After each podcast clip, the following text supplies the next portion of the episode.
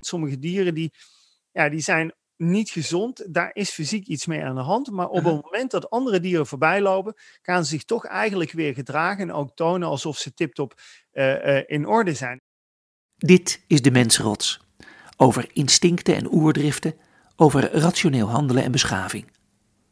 Ik ben Bas Westerweel en in deze podcastserie ga ik in gesprek met gedragsbioloog Patrick van Veen, die bij alles wat hij ziet, hoort en ruikt zich afvraagt: wat zijn we toch aan het doen hier op de mensenrots?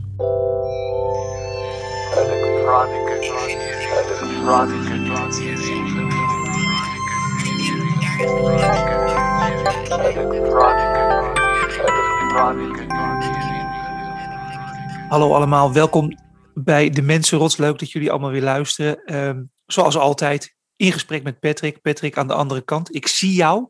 Uh, luisteraars horen jou.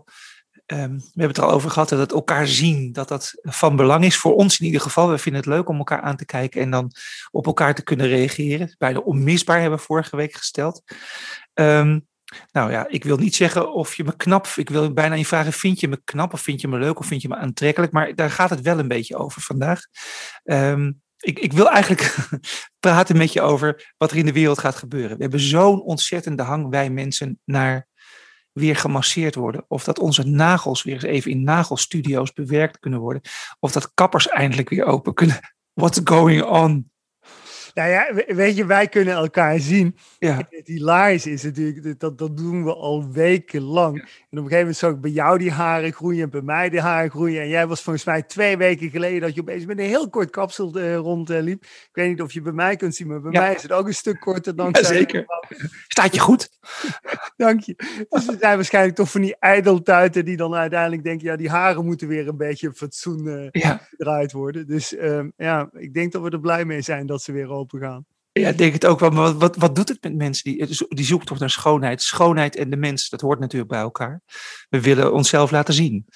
Nou, het, het, schoonheid, dat, dat, dat, daar is ontzettend veel over geschreven.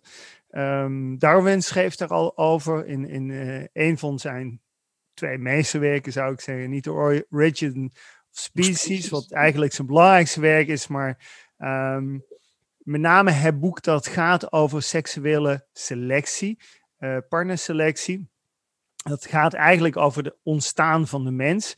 Uh, en daarin schrijft hij ook al over, over schoonheid. En, en uh, nou, daarna zijn er nog talloze wetenschappelijke publicaties en onderzoeken gedaan. Want dit is iets van alle tijd dat we zoeken naar een schoonheid. Het bizarre is, er zijn uniforme schoonheidsidealen over de hele wereld, maar heel vaak zijn ze ook tijds- en cultuur bepaald.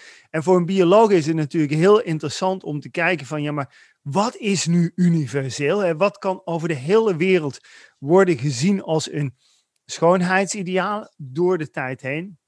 Ja, en wat is uiteindelijk uh, een schoonheidsideaal wat heel erg lokaal is, wat heel erg bepaald wordt in een cultuur bijvoorbeeld. En dat geeft ook wel de complexiteit over schoonheid aan, is dat het niet zomaar iets is wat in onze genen zit, waar we naar verlangen of waar we door aangetrokken worden. Er zit ook een hele dikke culturele saus overheen. Maar het is wel fascinerend. Het, het, het is iets ontzettend belangrijks wat in elke cultuur speelt. Oké, en heb je daar voorbeelden van? Ik bedoel, die cultuur om ons heen, die kennen we wel. Eh, dus daar moeten we straks misschien maar eventjes over hebben. Ik weet dat je ook in Afrika veel bent geweest. Ja. Kun je daar iets over vertellen, over hoe anders dat dan is dan hier? Nou ja, als je, ik, ik, ik vind altijd wonderbaarlijk. Hè? Als je in Nederland komt, dan is het slankheidsideaal is natuurlijk uh, het schoonheidsideaal. Terwijl in Afrika en heel veel landen, nou ja, is een beetje dikker, is eigenlijk wel heel erg uh, gewaardeerd. Waarom? Omdat het heel vaak ook een stukje welvaart uh, aanduidt. Dus, dus ja, die mannen met een beetje buikje, die vrouwen die net iets vol zijn, die worden vaak juist weer hoger gewaardeerd, omdat het ook eigenlijk een symbool is van, nou ja, uh, uh, je bent wat, uh, nou ja, je bent wat rijker, want je kunt het je ook permitteren. Maar wat je ook ziet is dat een, een, belangrijk element wat universeel is, is waist-hip ratio. En wat is dat eigenlijk? Hè? Hoe verhouden de heupen zich ten opzichte van de buik, middel? En uh, dat is 0,7. Dat schijnbaar is dat ongeveer een meest ideale schoonheidsideaal. En dat is. Er zijn ook onderzoeken geweest waarbij ze hebben gekeken naar bijvoorbeeld Playmates en, en, en de covergirls van de Playboy en Penthouse. En die hebben ze door al die decennia dat het al bestaat, hebben ze echt gekeken van nou, hoe verhoudt zich dat? En het grappige is dat wat je ziet veranderen in de tijdsgeest, is dat vrouwen soms wat voller of wat uh, magerder zijn, tot bijna skinny. Maar eigenlijk die 0,7, die wordt bijna altijd aangehouden. Dus ja, de heupen moeten altijd toch wel uh, een stuk breder zijn uh, dan het middel. Uh, maar dat is dus een soort generiek schoonheidsideaal. Alleen en, wat je dan... en bedoel je van 0,7 ten opzichte van het middel? Ik ga even. Ja, ga ja, ja, ja, ja. Dus sorry, nee, het middel moet 0,7 ten opzichte van de heupen zijn. Ah, juist, oké, dankjewel. Ja, nee, we moeten wel. Dus als je de omtrek uh, uh, van het middel deelt door de omtrek van de heupen, dan moet dat 0,7 zijn. En dat is een soort ideaalbeeld. En ja. grappig is, dat gaat ook door alle culturen heen. Wat je wel ziet, is dat uh, uh, in een aantal culturen, in Afrikaanse culturen, zie je vaak dat ja, die, die heupen moeten toch wel wat breder zijn. En, en liefst als er nog iets meer vet op zit, is het eigenlijk nog mooier. En ik, ik weet de allereerste keer dat ik in Oeganda kwam, uh, al een tijd geleden. En, het s'avonds, we hadden een paar van die trommels gekomen. En samen zaten we daar met een steltje van die meloten. Loopt die trommels aan en kwamen een paar vrouwen in dat hotel. En die zeiden gewoon maar dan gaan we ook dansen. En, en wat mij opviel was het eerste wat die vrouwen deden. Die, die bonden zich of een, een, een jas om een middel, of die bonden zich een paar doeken om, om, om de heupen eigenlijk. Om die heupen maar breder te laten lijken. En daarmee accentueer je uiteindelijk dat schoonheidsideaal. Ja. Het bizarre is, daar zit ook een biologisch verhaal achter. Het is namelijk zo dat, dat uh, um, vrouwen om vruchtbaar te kunnen zijn, hebben ze een minimaal vetpercentage nodig dus, dus als jij onder dat, uh, dat, dat minimum zakt, ja, dan, dan verstoort dat uiteindelijk zeg maar, de ovulatie en de menstruatiecyclus. Dus voor mannen in een oersysteem, uh, uh, die, die, die allerlei informatie niet krijgen die wij ons allemaal tegenwoordig gewoon kunnen ophalen, ja, die moeten uiteindelijk wel snappen, is een vrouw in een vruchtbare leeftijd, ja of nee? En, en mhm. Dat soort gegevens dragen daartoe bij. En uiteindelijk worden dat soms, dat soort hele basale gegevens worden dan uiteindelijk schoonheidsidealen. Ja. Uh, maar je ziet ook schoonheidsidealen die heel merkwaardig zijn. Nou, we zitten natuurlijk tegenwoordig in een tijdperk waar tatoeages toch wel heel erg populair zijn. Uh, ik weet niet of de tattoo shops ook alweer open mogen. Uh, maar, maar tatoeages is, is, zie je overal in tijd of, of, of op straat. Uh, mm -hmm. nou, 20, 30 jaar geleden was dat een stuk minder. Ja. Maar tatoeages is niks nieuws. Dat is iets wat ontzettend oud is. Uh, uh, men vermoedt zelfs dat prehistorische mensen daar al aan deden. Um, en het bizarre is uiteindelijk ook, je ziet dat ook in heel veel culturen terugkomen. En in sommige culturen is dat uh, letterlijk een, een, een soort belangrijk ritueel geworden, dat mensen hun lichaam versieren met nou ja, littekentatoeages. En dat zijn uh, inkervingen in de huid. En dan ja. wordt ervoor gezorgd dat die huid gaat ontsteken. En uh, door die ontsteken krijg je van die mooie dikke littekenweefsel. En dat klinkt heel idioot, maar dat, dat, dat kunnen prachtige versieringen zijn. Maar als je erover nadenkt, denk je, joh, doe even normaal. Je gaat jezelf toch niet een ontsteking bezorgen om schoon te zijn. Maar het rare is, je moet je voorstellen, als je in een ja, biologisch systeem leeft, in een oersysteem leeft, wil je eigenlijk wel weten, die persoon waar ik mee ga paren, uh, heeft hij wel een goed immuunsysteem? En het bizarre is dus, mannen die bijvoorbeeld dit soort uh, uh, tatoeages hebben, zijn eigenlijk een soort bewijslast van, joh, oh. kijk eens, ik heb een ontzettend goed immuunsysteem. Ja. Dus soms worden zelfs, ja, aangeleerde versieringen, culturele versieringen, hebben toch een, een oorsprong in een soort oersysteem. Ja, je, je hebt nu gezegd over het vet op de heupen bij vrouwen en uh, zeg maar het immuunsysteem van mannen die uh, littekens kunnen dragen. Dat, uh, dat, hè, dat, dat geeft een seintje naar de ander. Ja. En daar kun je van op aan dat er iets gebeurt. Nu even terug naar Nederland. er gebeurt weer iets gek natuurlijk in deze tijd. We hebben elkaar wel getroffen wat dat betreft in een soort wonderlijke wereld waarin eigenlijk wat mij betreft is het een heel groot onderzoek. Hè? Kan, je, kan je doen op dit moment in de tijd. Maar die hang naar uh, nagelstudio's. Naar ik, ik had nog niet eens van het woord ja, contactberoepen was, laat ik zeggen. Het is niet een veel gebruikt woord voor de, de pandemie. Um, nee. nee. toch? En, uh, nee. en nu, nu hunkeren we naar uh, contactberoepen. Het heeft deels te maken in mijn hoofd met schoonheid. Hè? We willen eigenlijk wel weer ons kunnen tonen. Maar is het, klopt dat ook zo? Heeft het met tonen te maken? Willen we weer naar buiten en ons mooi voelen? Waar heeft het mee te maken? Wat gebeurt er? Nou, ik, kijk, schoonheid heeft een, een, uh, meerdere kenmerken waarom wij dat zo ontzettend belangrijk uh, vinden. En ik noemde net al eentje, dat, dat gaat over, over vruchtbaarheid en elkaar herkennen. Mm -hmm. Schoonheid heeft, ik zal straks nog wel op een aantal andere terugkomen, maar het heeft ook uiteindelijk van hoe, hoe je er uiterlijk uitziet, uh, betekent ook een klein beetje hoe je jezelf gaat voelen. En dat is natuurlijk ook een mechanisme wat een ontzettend belangrijke factor is. En dan denk je, ja, weet je, uh, hoe belangrijk is dat? Maar nou ja, laat ik even naar een diersoort gaan die ik heel goed ken. Dat zijn apen. Ja. Um, en, en, en als ik met apen werk, het eerste wat ik doe is kijken naar hun vel. Want hoe hun vel eruit ziet, uh, is heel vaak een belangrijke factor over hoe ze ook fysiek gesteld zijn. Dus het uiterlijke kenmerk is ook vaak een soort indicator van, nou ja, hoe is hun gezondheid? Hoe is hun fysieke gesteldheid? Mm En bij mensen is het een beetje raar, want bij mensen werkt het ook omgekeerd. Bij mensen is het zo, als iemand er op een bepaalde manier uitziet, dan kan dat best een hele goede indicatie zijn. Als je een beetje grauwe huid hebt, uh, uh, flinke uh, wallen onder de ogen, ja, dan denk je, ja, weet je, die persoon zit gewoon niet lekker in een vel. Dat klopt gewoon uiteindelijk niet. En um, het bizarre is uiteindelijk dat, dat, dat voor ons mensen eigenlijk dat, dat uiterlijk dus ook een soort element is geworden waar als, als we maar goed in een vel zitten, dan voelen we ons ook een stuk beter. Ja. Dus die psychologische kant van uiterlijk, ja. Wel echt een hele belangrijke factor. Maar we kunnen het ook verdoezelen. Want als je je eh, zeg maar slecht voelt, je voelt je niet zo fijn, grauwe huid met wallen onder je ogen, kun je dus naar zo'n massagesalon.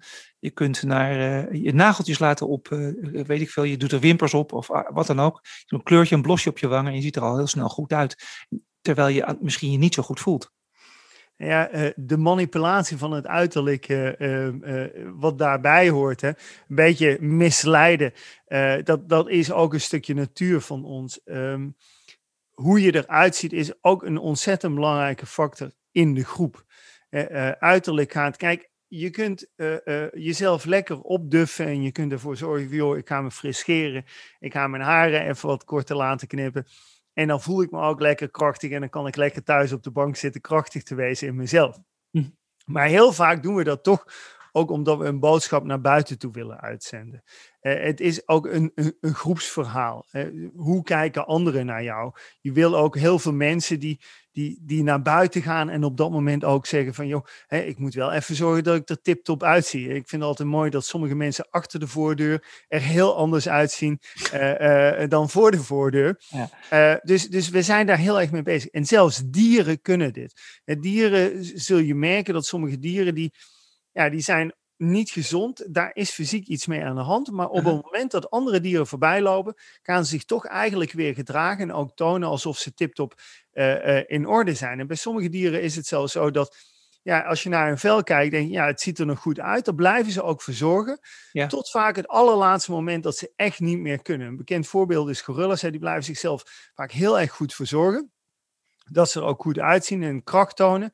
Ja, totdat ze eigenlijk fysiek bijna omvallen, omdat ze van binnen wel ontzettend ziek zijn. Dus voor mensen is dat manipuleren van het uiterlijk ook wel zoiets van, ja, hoe presenteer ik mij in een groep? En uh, uiterlijk is gewoon een belangrijke factor. Het is een deel van je communicatie. Je vertelt een boodschap naar buiten toe. En ja, wij daarom is het zo belangrijk. Ja, dat begrijp ik. En we hebben het natuurlijk vercommercialiseerd.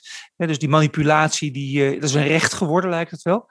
En we vinden dat we recht hebben op uh, dat wat er nu weer open gaat in de maatschappij, hè, waar we het net al over hadden, dat eh, past de mens ook wel. Het past in ieder geval de mens van deze tijd ook wel. Dat we vinden dat we recht hebben op manipulatie. Nou ja, de, de manipulatie is, is uh, denk bijna zo oud als de mensheid. Mm -hmm. um, het, het, zit ook wel echt in onze oergenen verankerd. Om, om ook letterlijk wel bezig te zijn met hoe kom ik bij de ander over.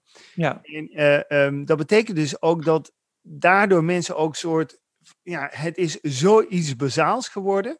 Mhm. Het recht hebben om je nou ja, op een bepaalde manier te laten zien. Dat dat dus ook bijna niet meer weggenomen kan worden.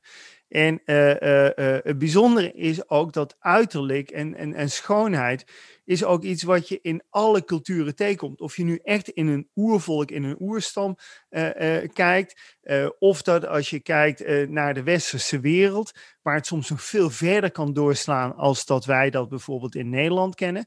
Maar het is gewoon bijna zo een bazaal element geworden dat je het ook bijna niet meer weg kunt halen. Als je kijkt naar, naar Maasai-stammen, ja, die zich met, met, met aarde verven om een bepaalde kleur te krijgen, uh, die heel veel tijd aan de haren besteden.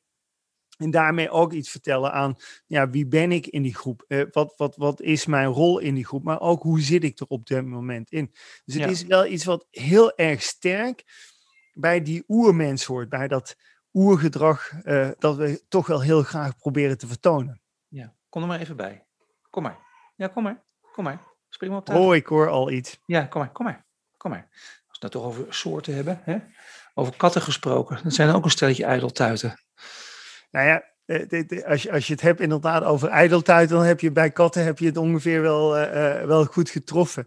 En uh, uh, katteneigenaren die kennen overigens ook altijd heel erg snel wanneer de kat niet helemaal goed in het vel zit. Dat zie je ook meteen.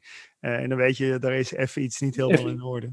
Ja, hey, wat gaat het met ons gedrag doen? Hè? Denk je, is, is dit, het is maar een klein noot natuurlijk, hè? Dit in de, in de, oh, sorry, mijn microfoon. Het is maar een klein dingetje wat er natuurlijk gebeurt. Dat alle massagesalons en, en dergelijke weer open kunnen.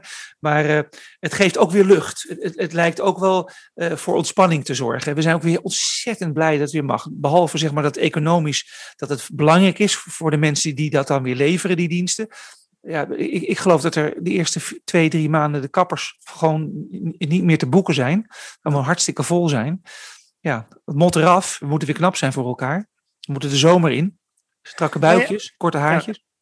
Nou ja, het, wat ik wel bijzonder er vind, is dat, um, dat je dus ook ziet hoe belangrijk in, in, in de moderne westerse wereld uh, um, uiterlijk is. En uh, overigens, waarschijnlijk gaat het nog veel erger worden. Want als je even kijkt, uh, uh, er is iets nieuws gekomen wat oermensen niet hebben en dat wij wel uh, in de moderne wereld hebben, is bijvoorbeeld social media. Ja. Hoeveel mensen manipuleren hun foto op social media niet even? Uh, om er net iets uh, slanker uit te zien, dat gezicht een beetje samengeknepen.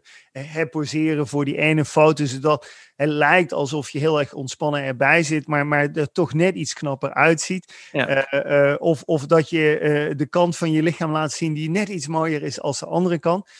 En, en wat je dus merkt is dat die schoonheid is zo onderdeel van ons dagelijks leven dat we nu niet alleen maar dat als een recht zien, maar dat we het ook bijna claimen als het moet nu even gebeuren. En je moet je ook realiseren dat dat uiterlijk, uh, daarvan weten we ook dat het heel veel impact heeft op je leven. Het gaat over partnerkeuze. Dus ja, we, we kiezen toch een partner heel erg op het uiterlijk. Uh, dat is de eerste prikkel. Uh, ooit, ooit zat ik in, uh, nou ja, laat ik maar selectiecommissie noemen voor mensen die, die gingen trouwen bij een tv-programma Married at First Sight. En, en daar ontdekten we heel snel dat fysieke kenmerken, uiterlijke kenmerken, eigenlijk misschien wel de belangrijkste drijfveer waren om het die eerste vijf minuten te laten slagen. En het ging er niet om dat mensen altijd super knap moesten zijn maar dat mensen in ieder geval in de ander een soort evenknie konden herkennen. Hè? Die, die zit op hetzelfde niveau. En er is ook onderzoek naar gedaan. Het blijkt ook zo te zijn dat als we een partner zoeken, dan zoeken we eigenlijk altijd iemand die, die een beetje in de evenknie is van onszelf. Dus, dus ja, jezelf heel erg goed demonstreren is belangrijk. En overigens er is ook heel leuk onderzoek gedaan in dat kader. Waarbij ik altijd zei van als je niet aan een partner komt, moet je omringen met hele lelijke vrienden. Uh, uh, dan, dan, dan is het ook nog eens zo dat als we iemand uitzoeken in een kroeg, uh, dan, dan gaan we ook heel erg op uiterlijk af. En, en wat meestal gebeurt is dat niet de allerknapste wordt uitgezocht, maar uiteindelijk wordt wel gekeken van nou wie is dan de tweede beste in een beschikbare aanbod. En dan zie je opeens hoe belangrijk in partnerselectie uiterlijk is. Maar hm. niet alleen in partnerselectie, er is ook heel veel onderzoek gedaan. Wat betekent bijvoorbeeld uiterlijk en, en schoonheid voor je carrière. Ja. Het lijkt ook dat mensen die knapper zijn, mensen die net wel langer zijn als het om mannen gaan, wat slanker zijn, uh, dat die vaak ook in de carrière uh, het beter doen. En we noemen dat uh, in, in de psychologie, biologie het halo-effect. En het halo-effect is dat op het moment als we iemand zien die knap is, dan gaan we die persoon ook bepaalde eigenschappen toebedelen op basis van dat uiterlijk. Dus, dus als iemand knap is, dan denken we ook meteen dat hij slimmer is. Of dan denken we ook dat hij uiteindelijk beter in zijn vak is. Ja. Terwijl dat helemaal niet hoeft te zijn. Maar het betekent dat aan die uiterlijke kenmerken gaan we allerlei eigenschappen hangen waarvan we denken, ja, die behoren bij een knap iemand. Dus dat dat uiterlijk zo ontzettend belangrijk is, wordt dan daarmee ook verklaard. Ja, je maakt betere carrière, je krijgt betere partners. Dus vandaar dat het ook zo'n belangrijk element is. Ja, um, dan gaat, hier, hier trekt het wel een scheur door mijn liefdesschilderij hoor. Dat doe je nu. Ik dacht dat het echt ging over de liefde. Ja, ik, ik, ik, ik snap dat ik nu een paar uh, krassen ergens opmaak. Ja. Maar het is, uh, uiterlijk is een ontzettend uh, belangrijk element. Het gaat helemaal niet over de liefde. Nou, misschien heb ik dan een troost voor je. Als het niet in het uiterlijk zit, een goede geur kan ook nog altijd helpen. Ja, heb, dat blijkt de tweede factor te zijn. Dat zeg ik niet. Ik wil zo graag dat het over de liefde gaat. Ja. Mag het over nou, de liefde gaan? Ja, maar weet je wat, wat het rare is van de liefde? Nou. Is dat, dat liefde is een, een, een, een, een en mensen praten dan over hormonen, de kriebels in de buik, de vlinders in de buik. Mhm. Er zit natuurlijk helemaal geen vlinder in de buik. Het is gewoon platgeslagen een aantal hormonen uh, uh, die ervoor zorgen dat je darmen niet meer heel goed functioneren, et cetera. En uiteindelijk, wat doen die hormonen? Die zorgen ervoor, die denken, zien iemand lopen, zeggen, nou, dat is een leuke partner. Uh, die moet je maar achtervolgen en daar moet je maar de hele verleidingsdans voor gaan opvoeren. En ja, het bijzondere is dat uiteindelijk dat biologische brein ja, dat, dat gaat helemaal aan de haal en dat selecteert op uiterlijke kenmerken. Oké. En overigens, een element, daar kom je best wel heel erg goed uh, mee weg. En we weten in de biologie heel erg goed wat mooi is. Uh, uh, bij, bij vrouwensymmetrie is natuurlijk altijd een hele belangrijke. Er is ook iets over de afstand tussen de neus en, en, en, en de bovenlip. He, dat mag niet te groot zijn, die afstand, ook de stand van de ogen. Maar we weten ook wel een beetje, en ik noemde al de waist-hip relatie belangrijk, maar voor mannen is er ook een heel belangrijk kenmerk. Ja. En, en, en dat is een goede kaaklijn. Oh. Waarom is die kaaklijn zo belangrijk? Ja. Dat uh, de vorm van jouw kaaklijn, die wordt bepaald in je puberteit. Ja. En uh, over het algemeen is het zo dat als je meer testosteron in je puberteit aanmaakt, dan, uh, dan krijg je een rechtere en een vierkantere kaaklijn. Die wordt wat hoekiger. Uh, sommige mannen accentueren dat ook nog dat als ze lachen voor de foto, dat ze even op de uh, tanden bijten, zodat het allemaal wat strak wordt. Uh-huh. En waarom is dit nu zo'n belangrijk gegeven voor vrouwen? Heel simpel, dat testosteron in die puberteit is eigenlijk ellendig. Want door heel veel testosteron in de puberteit wordt je immuunsysteem eigenlijk heel erg aangevallen. Mm die mannen krijgen vaak ook last van acne, hebben ook vaker wat andere uh, problemen in de puberteit. En, en ja, je immuunsysteem wordt heel erg op de proef gesteld. Maar ja, ja. als je dat overleeft, dan moet je hele goede genen hebben. Mm -hmm. En daarom zijn bijvoorbeeld mannen met een rechte kaaklijn net iets aantrekkelijker uh, voor vrouwen dan mannen met een ronde kaaklijn. Maar laat me, je laat me je kaken zien even. Dus even ja, ja, ja, dat, ja. Dat, dat, dat hangt bij ja. mij nogal eens van het seizoen af. Dat klinkt, als ik sportiever ben, worden weer beter. maar ik, ik heb een vermoeden dat uh, zeg maar, als alle nageltjes weer gelakt zijn en de, de lijven gemasseerd, de haren geknipt, dat er de verleidingsdansen weer gaan beginnen, als ik het zo hoor. Ja, absoluut. Overigens, uh, bij die nagels, daar zit nog wel een, een hele interessante. Ik weet niet of je dat wel eens hebt geobserveerd. Want ik, daar snap ik helemaal niks van. Maar dat kan misschien zijn omdat ik een man ben. Ja. Maar um, wat je ziet, en, en dat is wel een element met, met uiterlijk, wat ook nog wel een heel belangrijk gegeven is. Uiterlijk help je ook om je te identificeren met een groep. Ja. En wij mensen zijn groepsmensen. Uh, wij zijn mensen die heel graag onderdeel zijn van een groep.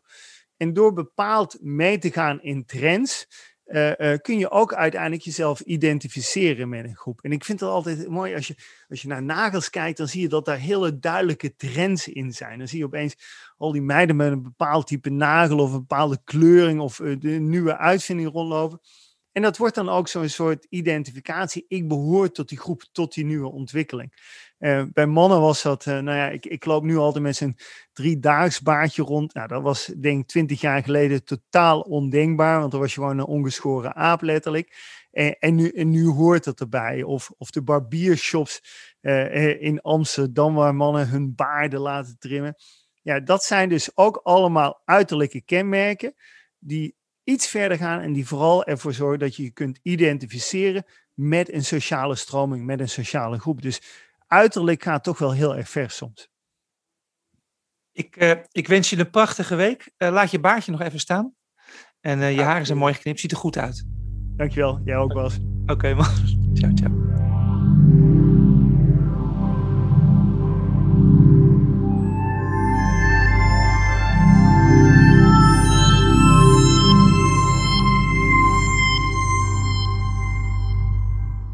Dit was De Mensenrots.